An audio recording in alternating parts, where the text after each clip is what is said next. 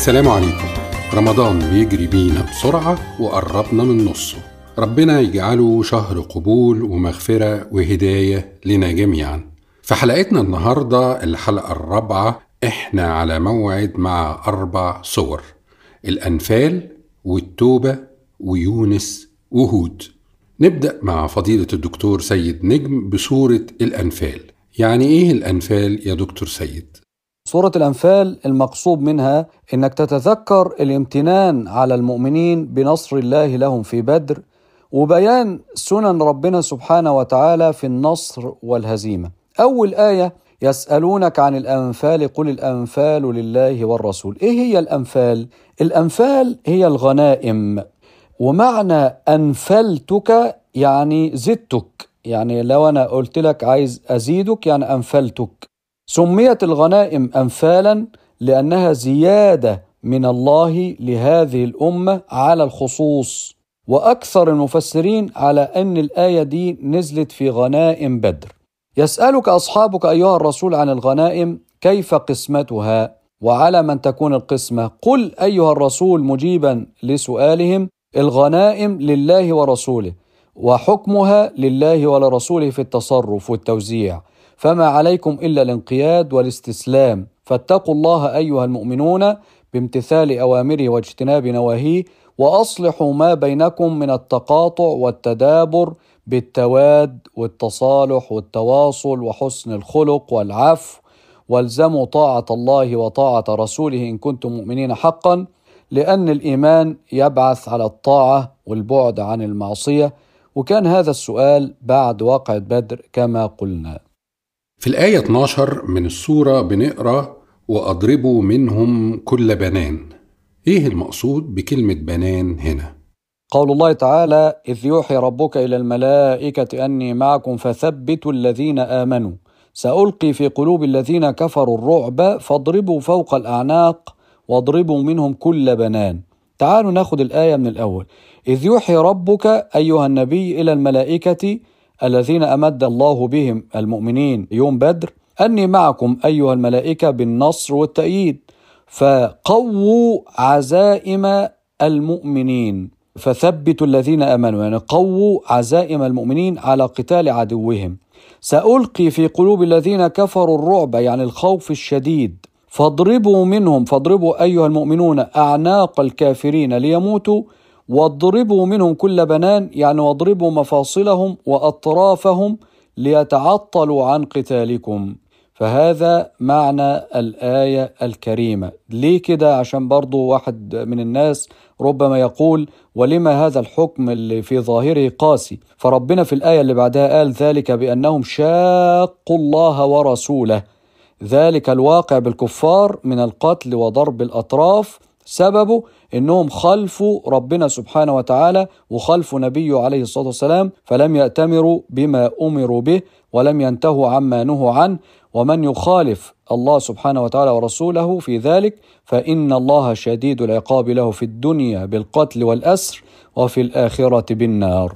بنمشي في القراءة شوية في سورة الأنفال وبعدين بنلاقي كلمتين غير معتادتين بالنسبة لنا مكاء وتصدية في الآية 35 من سورة الأنفال. ربنا سبحانه وتعالى بيقول وما كان صلاتهم عند البيت إلا مكاء وتصدية. إيه المكاء وإيه التصدية؟ معنى الآية وما كان صلاة المشركين عند المسجد الحرام إلا مكاء يعني صفيرا وتصدية يعني تصفيقا. فذوقوا أيها المشركون العذاب بالقتل والأسر يوم بدر بسبب كفركم بالله وتكذيبكم لرسوله. سيدنا عبد الله بن عباس رضي الله عنهما بيقول إن كانت قريش بتطوف بالبيت وهم عراه عمالين يصفروا ويصفقوا.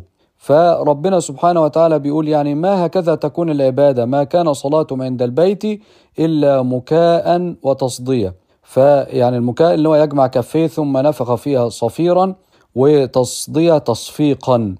في في السورة أمر من الله سبحانه وتعالى لرسوله الكريم عليه الصلاة والسلام فانبذ إليهم على سواء ممكن شرح لسياق هذه الآية؟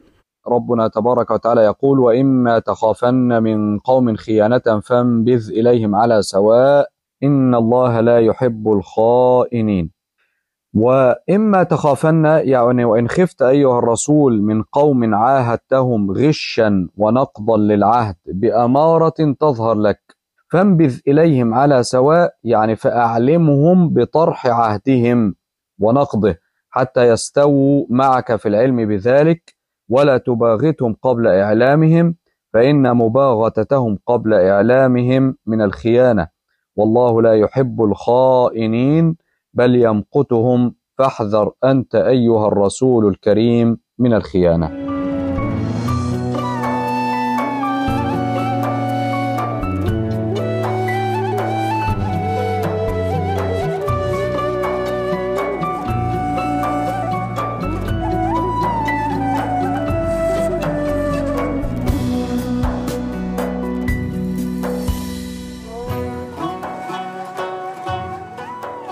ننتقل الآن من سورة الأنفال لسورة التوبة. في الآية الثامنة منها بنقرأ كيف وإن يظهروا عليكم لا يرقبوا فيكم إلا ولا ذمة.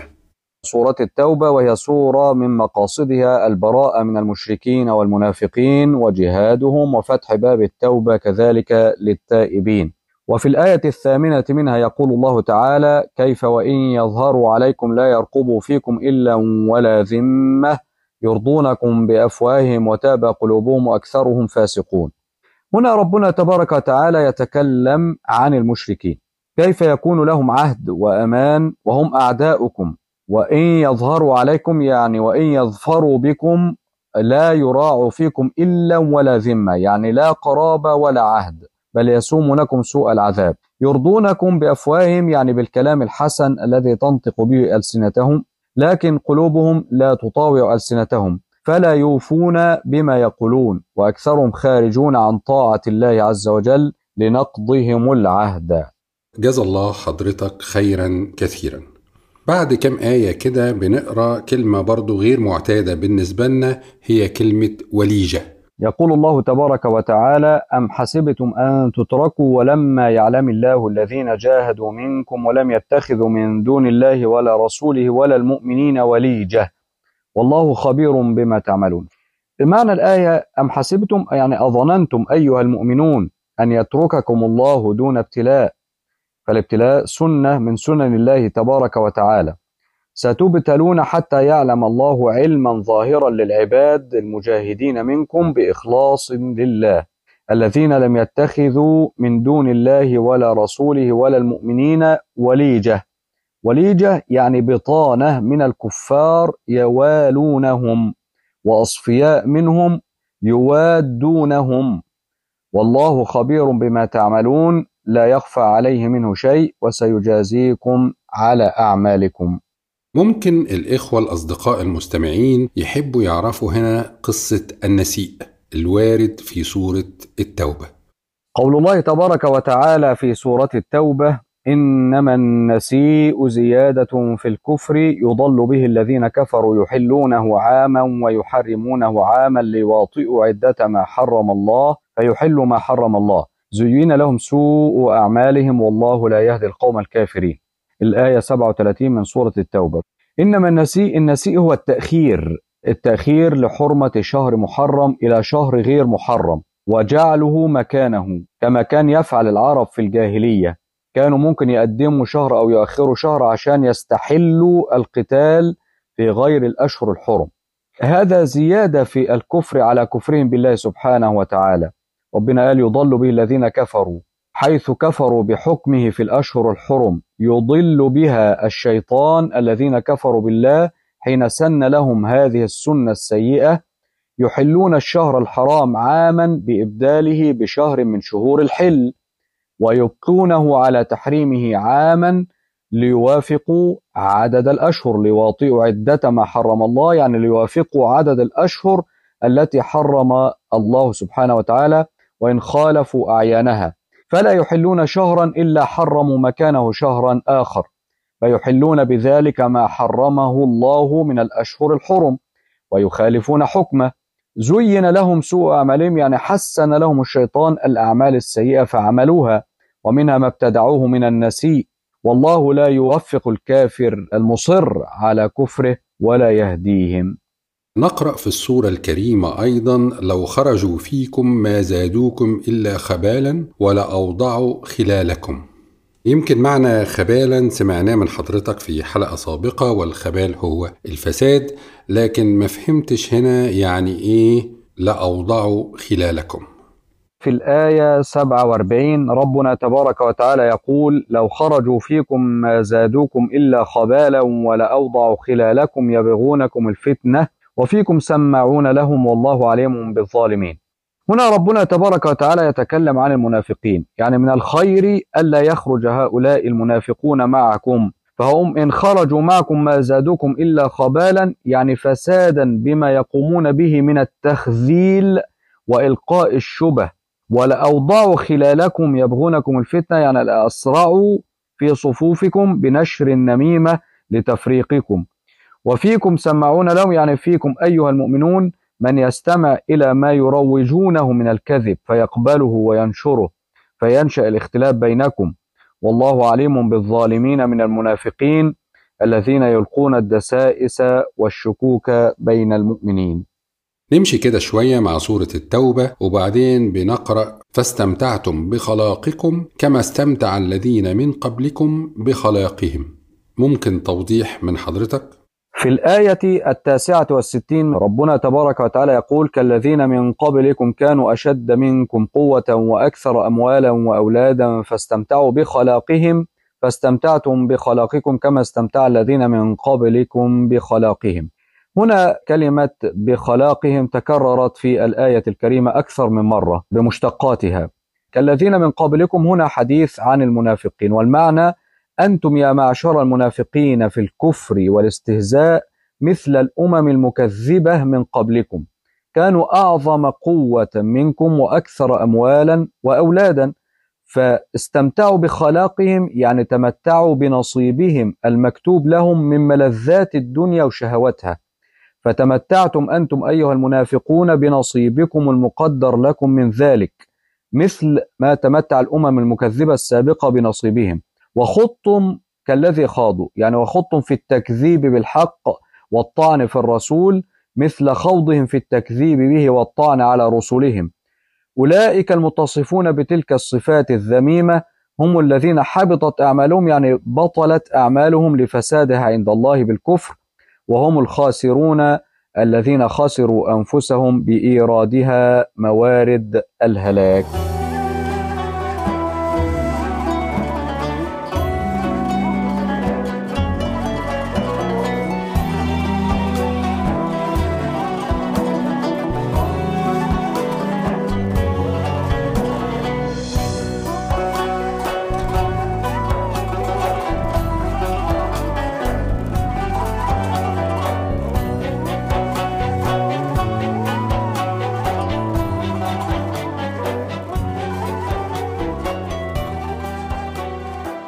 عايز أسأل حضرتك من هم المطوعين من المؤمنين الذين نقرأ عنهم في سورة التوبة؟ في الآية التاسعة والسبعين من سورة التوبة ربنا تبارك وتعالى يقول الذين يلمزون المتطوعين من المؤمنين في الصدقات الآية الكريمة. الذين يلمزون يعني يعيبون المتطوعين يعني المتطوعين من المؤمنين ببذل الصدقات اليسيرة. الذين لا يجدون إلا شيئا قليلا هو حاصل ما يقدرون عليه. فيسخرون منهم قائلين ماذا تجدي صدقتهم؟ يعني الصدقة بتاعتكم هتعمل إيه؟ سخر الله منهم جزاء على سخريتهم بالمؤمنين ولهم عذاب أليم أي عذاب موجع بسبب استهزائهم وسخريتهم من المؤمنين الضعفاء. طيب أولو الطول. من هم؟ أولو الطول. في الآية السادسة والثمانين من سورة التوبة يقول الحق تبارك وتعالى فيها وإذا أنزلت سورة أن آمنوا بالله وجاهدوا مع رسوله استأذنك أولو الطول منهم وقالوا ذرنا نكن مع القاعدين وإذا أنزلت سورة أي إذا أنزل الله سورة على نبيه محمد صلى الله عليه وسلم متضمنة للأمر بالإيمان بالله والجهاد في سبيله. استأذنك أولو الطول يعني طلب الإذن في التخلف عنك أصحاب الغنى واليسار منهم. الطول يعني الغنى واليسار. وقالوا اتركنا نتخلف مع أصحاب الأعذار كالضعفاء والزمن والمرضى. ما زلنا مع سورة التوبة وآن الأوان نعرف حكاية مسجد الضرار. تعالوا بينا نسمع شرح الآية 107 من سورة التوبة من فضيلة الدكتور سيد نجم وبعدين نسمع الآية نفسها والآيات التالية عشان تبقى الصورة واضحة قدامنا تماما. هذه الآية نزلت في جماعة من المنافقين بنوا مسجدا يضارون به مسجد قباء وكانوا 12 رجل من أهل النفاق وديع بن ثابت وجزام بن خالد وغيرهم وغيرهم بنوا هذا المسجد ليضاروا به المؤمنين وكفرا بالله ورسوله وتفريقا بين المؤمنين لأنهم جميعا المؤمنين كلهم كانوا بيصلوا في مسجد قباء. فالمنافقين بنوا هذا المسجد ليصلي فيه بعضهم فيؤدي ذلك إلى الاختلاف وافتراق الكلمة. ودعوا النبي عليه أفضل الصلاة والسلام للصلاة في هذا المسجد وهو يتجهز إلى تبوك. فقالوا للنبي قد بنينا مسجدا لذي العلة والحاجة والليلة المطيرة والليلة الشاتية فنحب أن تأتينا وتصلي بنا فيه وتدعو لنا بالبركة. فالنبي عليه الصلاة والسلام قال لهم إني على جناح سفر ولو قدمنا إن شاء الله أتيناكم فصلينا لكم فيه. فربنا سبحانه وتعالى أنزل هذا التحذير لرسول الله صلى الله عليه وسلم والذين اتخذوا مسجدا ضرارا يعني من المنافقين أيضا أولئك الذين ابتنوا مسجدا لغير طاعة الله بل للإضرار بالمسلمين وإظهار الكفر بتقوية أهل النفاق وللتفريق بين المؤمنين وإرصادا لمن حارب الله ورسوله من قبل يعني وللإعداد والانتظار لمن حارب الله ورسوله قبل بناء المسجد. ولا يحلفن هؤلاء المنافقون لكم ما قصدنا إلا الرفق بالمسلمين والله يشهد إنهم لكاذبون في دعواهم هذه. ثم نهاهم الله تبارك وتعالى ونهى نبيه أن يصلي في هذا المسجد مسجد الضرار لا تقم فيه أبدا. والذين اتخذوا مسجدا ضرارا وكفرا وتفريقا وتفريقا بين المؤمنين وإرصادا لمن حارب الله ورسوله من قبل. وليحلفن إن أردنا إلا الحسنى والله يشهد إنهم لكاذبون. لا تقم فيه أبدا. لمسجد أسس على التقوى من أول يوم أحق أن تقوم فيه. فيه رجال يحبون أن يتطهروا والله يحب المطهرين. أفمن أسس بنيانه على تقوى من الله ورضوان خير؟ خير أم من أسس بنيانه على شفا على شفا جرف هار فانهار به في نار جهنم. والله لا يهدي القوم الظالمين. لا يزال بنيانهم الذي بنوا ريبة في قلوبهم إلا إلا أن تقطع قلوبهم. والله عليم حكيم. إن الله اشترى من المؤمنين أنفسهم وأموالهم بأن لهم الجنة. يقاتلون في سبيل الله فيقتلون ويقتلون. وعدا عليه حقا في التوراة والإنجيل والقرآن. ومن أوفى بعهده من الله فاستبشروا ببيعكم الذي بايعتم به. وذلك هو الفوز العظيم. طيب في الآية التالية مباشرة اللي هي 112 في أوصاف للمؤمنين. ممكن حضرتك تلقي لنا الضوء عليها خصوصا وصف السائحون. يعني إيه السائحون في صفات المؤمنين؟ يقول الحق تبارك وتعالى التائبون العابدون الحامدون السائحون الراكعون الساجدون الآمرون بالمعروف والناهون عن المنكر والحافظون لحدود الله وبشر المؤمنين. أولا قبل هذه الآية هناك بشارة من الله تعالى لمن جاهد في سبيل الله تبارك وتعالى. يقول الحق فاستبشروا ببيعكم الذي بايعتم به وذلك هو الفوز العظيم.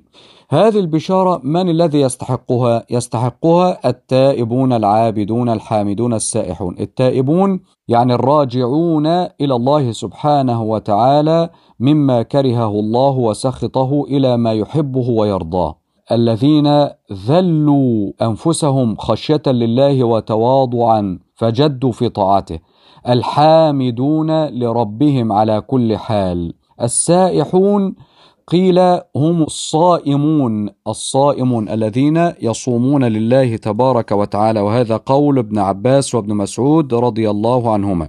هناك قول لسفيان بن عيينة بيقول إنما سمي الصائم سائحا لتركه اللذات كلها من المطعم والمشرب والمنكح وقال عطاء السائحون يعني الغزاة المجاهدون في سبيل الله واستدل على ذلك بما روي عن عثمان بن مظعون رضي الله عنه أنه قال يا رسول الله ائذن لي في السياحة فقال إن سياحة أمتي الجهاد في سبيل الله. وقال عكرمة السائحون هم طلبة العلم الذين يسعون لطلب العلم. هؤلاء معنى السائحون. المصلون الآمرون بما أمر الله به أو أمر به رسوله صلى الله عليه وسلم الناهون عما نهى الله عنه ورسوله الحافظون لأوامر الله بالاتباع ولنواهيه بالاجتناب وأخبر أيها الرسول المؤمنين المتصفين بهذه الصفات بما يسرهم في الدنيا والآخرة.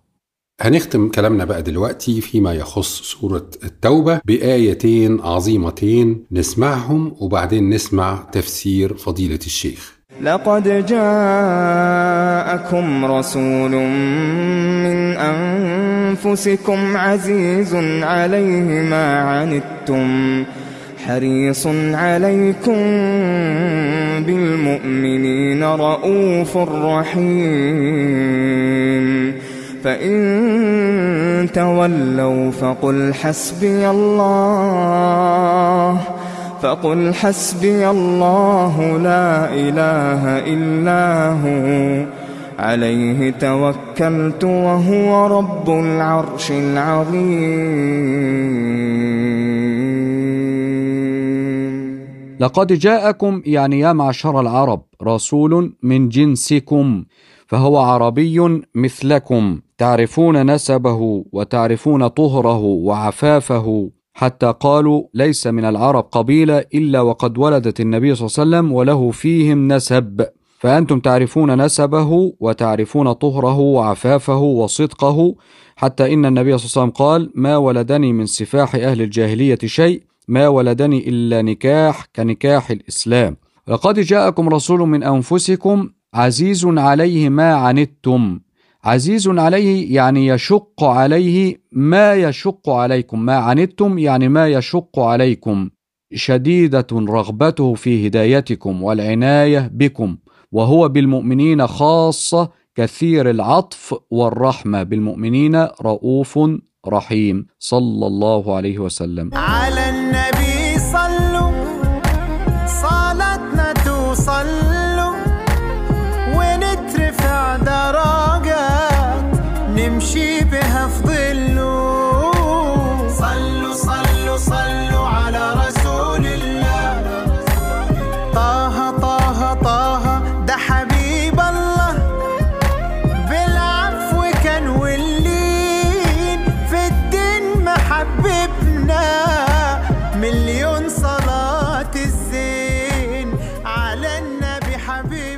الدور بقى على سورة يونس وهي سورة مكية فبنلاقي إنها بتركز أكتر على أمور العقيدة على منوال السور المكية الأخرى وبتجيب على العديد من الأسئلة فيما يخص القضاء والقدر والبعث والحساب والآخرة وفي السورة بنقرأ ولا يرهق وجوههم قطر ولا ذلة يعني إيه القطر؟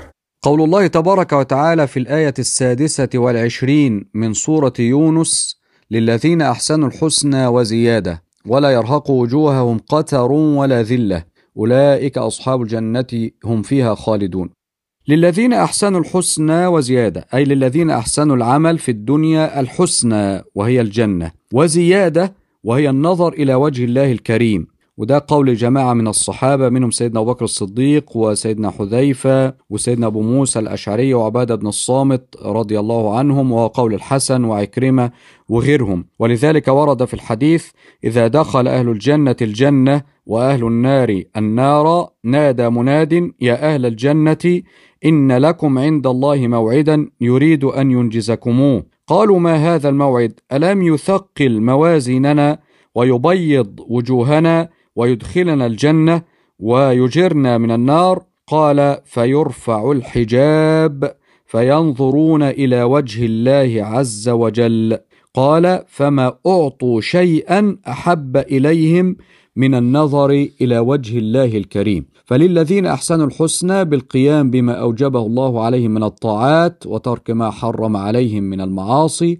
المثوبة الحسنى وهي الجنة ولهم زيادة عليها وهي النظر إلى وجه الله الكريم. ولا يرهق وجوههم يعني لا يغشى وجوههم قتر يعني غبار.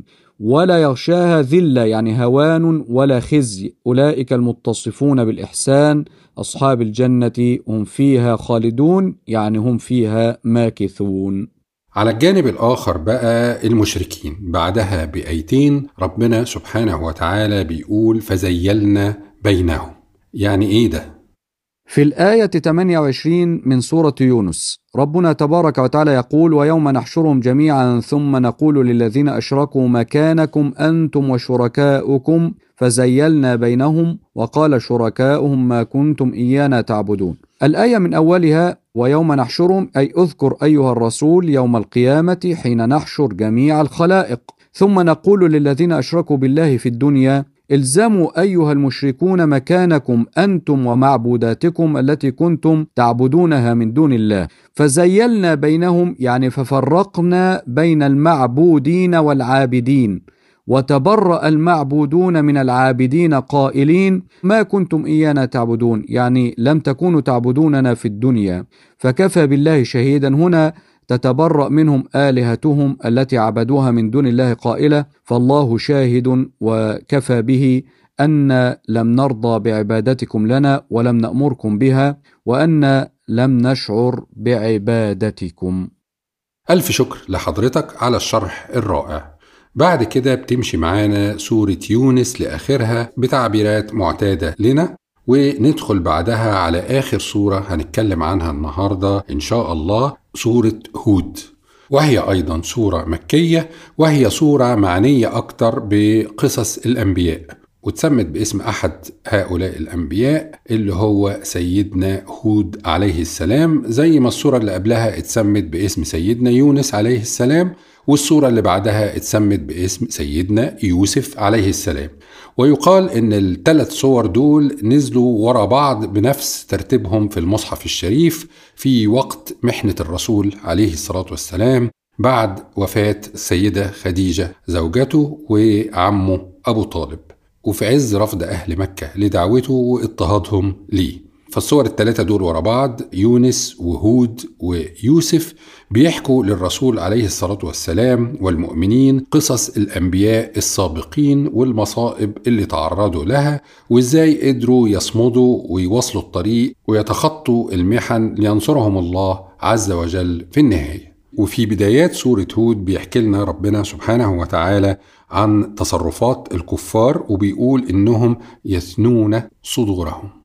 في الآية الخامسة يقول الله تبارك وتعالى فيها: ألا إنهم يثنون صدورهم ليستخفوا منه، ألا حين يستغشون ثيابهم يعلم ما يسرون وما يعلنون إنه عليم بذات الصدور.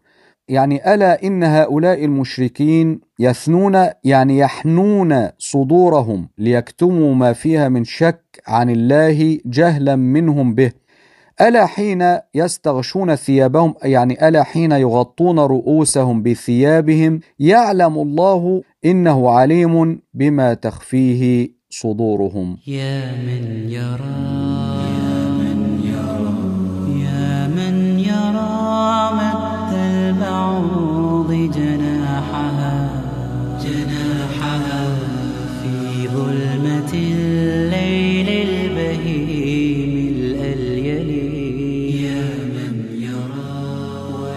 سورة هود فيها آية عتاب. عتاب من الله سبحانه وتعالى لنبيه الكريم عليه الصلاة والسلام. إيه سبب العتاب ده؟ يقول الحق تبارك وتعالى فلعلك تارك بعض ما يوحى إليك وضائق به صدرك أن يقولوا لولا أنزل عليه كنز أو جاء معه ملك فلعلك أيها الرسول الكريم لما واجهته من كفرهم وعنادهم واقتراحهم الآيات تارك تبليغ بعض ما أمرك الله بتبليغه مما يشق عليهم أن يعملوا به. وذلك أنهم قالوا يعني في الآية التي قبلها قالوا ائت بقرآن غير هذا. يعني قرآن ليس فيه سب آلهتنا. فهم النبي عليه الصلاة والسلام أن يدع آلهتهم ظاهرا. فربنا سبحانه وتعالى عاتبه في ذلك لعلك تارك بعض ما يوحى إليك أو ضائق به صدرك بتبليغه لئلا يقولوا هلا أنزل علينا كنز يغنيه أو جاء معه ملك يصدقه فلا تترك أيها الرسول بعض ما يوحى إليك من أجل ذلك فما أنت إلا نذير تبلغ ما أمرك الله بتبليغه وليس عليك الإتيان بما يقترحونه من الآيات والله على كل شيء حفيظ. عظيم جدا. في الصورة برضو ذكر لقصة سيدنا نوح عليه السلام وبنلاقي فيها وفار التنور. تعالوا نسمع مقطع من الصورة اللي فيه القصة دي وبعدين الدكتور سيد هيشرح لنا تفسير التعبير ده. وفار التنور. حتى إذا جاء أمرنا وفارت النور قل نحمل فيها قل نحمل فيها من كل زوجين اثنين وأهلك إلا من سبق عليه القول ومن آمن وما آمن معه إلا قليل وقال اركبوا فيها بسم الله مجريها ومرساها. إن ربي لغفور رحيم. وهي تجري بهم في موج كالجبال ونادى نوح ابنه وكان في معزل. وكان في معزل يا بني اركب معنا ولا تكن مع الكافرين. قال سآوي إلى جبل يعصمني من الماء.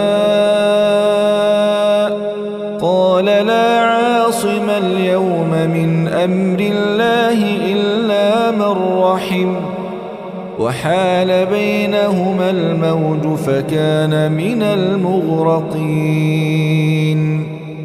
وقيل يا أرض ابلعي ماءك ويا سماء أقلعي. ويا سماء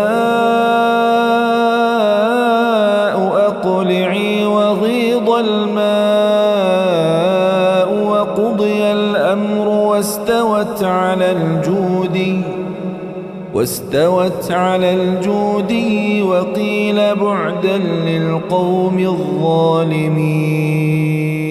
في الآية 40 من سورة هود يقول الحق تبارك وتعالى فيها حتى إذا جاء أمرنا وفارت النور قل نحمل فيها من كل زوجين اثنين وأهلك إلا من سبق عليه القول ومن آمن وما آمن معه إلا قليل. حينما أنهى سيدنا نوح عليه السلام صنع السفينة التي أمره الله بصنعها حتى إذا جاء أمرنا بإهلاكهم وفار التنور يعني فار الماء من التنور. فما معنى التنور؟ اختلف العلماء في ذلك. فقال عكرمة والزهري رضي الله عنهما هو وجه الأرض أي فار الماء على وجه الأرض. يعني إذا رأيت يا نوح عليه السلام الماء فار على وجه الأرض فاركب السفينة وروي عن سيدنا علي رضي الله عنه أنه قال فار التنور أي طلع الفجر ونور الصبح وقال الحسن ومجاهد والشعبي إنه التنور الذي يخبز فيه وهو قول أكثر المفسرين يعني التنور هذا الذي كانوا يخبزون فيه إعلاما ببدء الطوفان. قلنا لنوح عليه السلام احمل في السفينة من كل صنف من الحيوان فوق الأرض زوجين ذكرا وأنثى واحمل أهلك إلا من سبق عليه القول الحكم بأنه مغرق لكونه لم يؤمن. واحمل من آمن معك من قومك وما آمن معه من قومه إلا عدد قليل على طول المدة التي مكث فيها سيدنا نوح يدعوهم إلى الله سبحانه وتعالى. هذه الحياة سفر طويل والزاد فيها زاد قليل. ما نحن فيها إلا عبور والمكث فيها ليس يطول.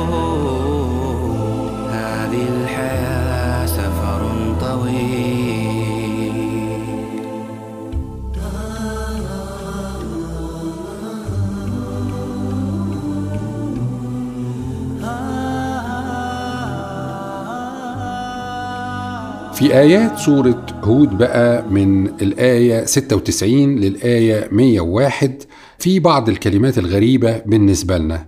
يعني إيه مثلا الورد المورود والرفد المرفود قائم وحصيد تدبيب؟ كلمات بالنسبة لي صعبة.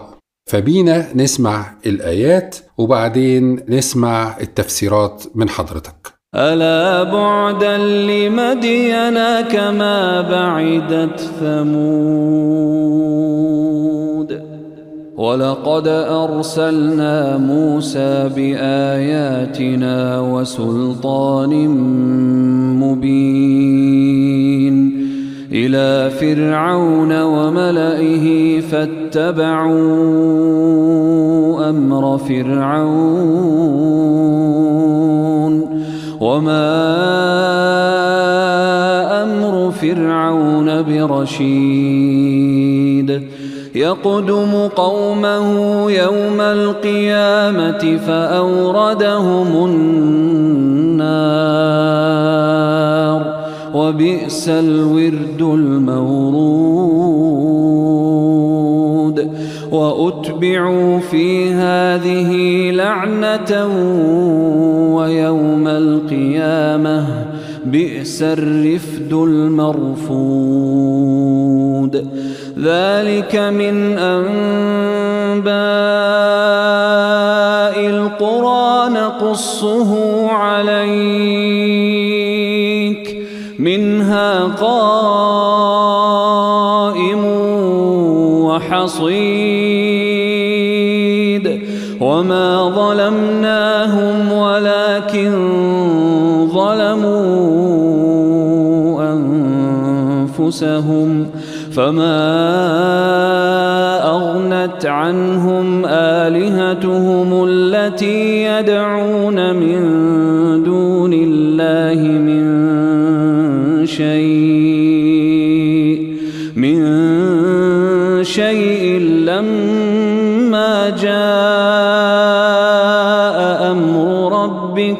وما زادوهم غير تتبيب.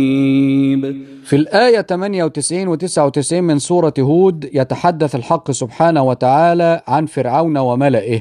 يقول عنهم يقدم قومه يوم القيامة فأوردهم النار وبئس الورد المورود وأتبعوا في هذه لعنتهم ويوم القيامة بئس الرفد المرفود.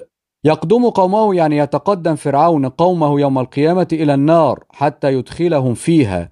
وساء المورد الذي يوردهم إليه. بئس الورد المورود. وأتبعهم الله في هذه الحياة الدنيا لعنة وطردا وإبعادا من رحمته مع ما أصابهم من الهلاك بالغرق. وأتبعهم طردا وإبعادا منها كذلك يوم القيامة. ساء ما حصل لهم بئس الرفد المرفود يعني ساء ما حصل لهم من ترادف اللعنتين والعذاب في الدنيا والآخرة. يعني اجتمعت عليهم لعنتان لعنة الدنيا ولعنة الآخرة. في الآية 100 يقول الحق تبارك وتعالى فيها ذلك من أنباء القرى نقصه عليك منها قائم وحصيد. أولا نأتي من الآية ذلك ذلك أي المذكور في هذه السورة من أخبار القرى نخبرك أيها الرسول الكريم به. من هذه القرى ما هو قائم قائم المعالم؟ ومنها ما محيت معالمه. حصيد أي ما محيت معالمه. لم يبق منه شيء محى أثره.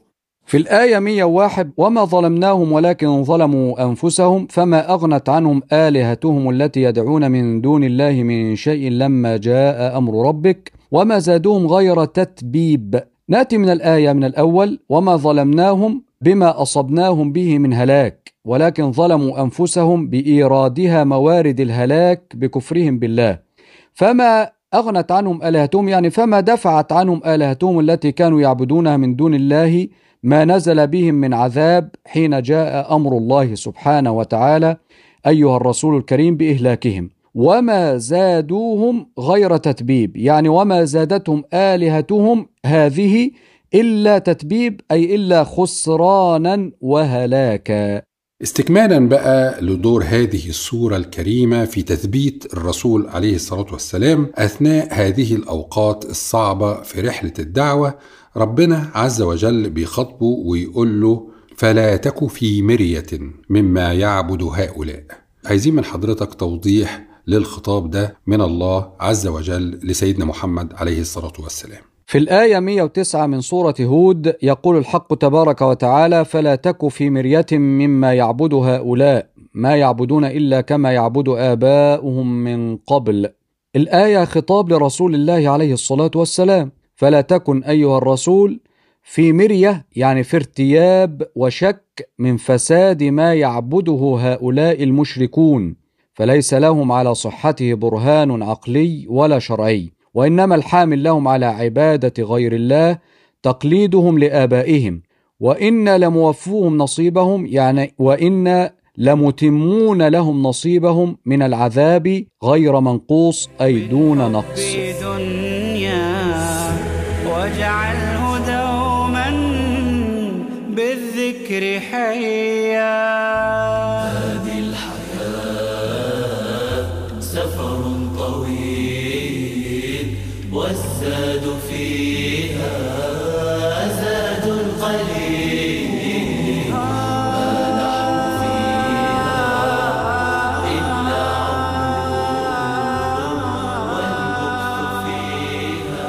دكتور سيد بارك الله في عطائك العلمي الذي أجزلته لنا اليوم.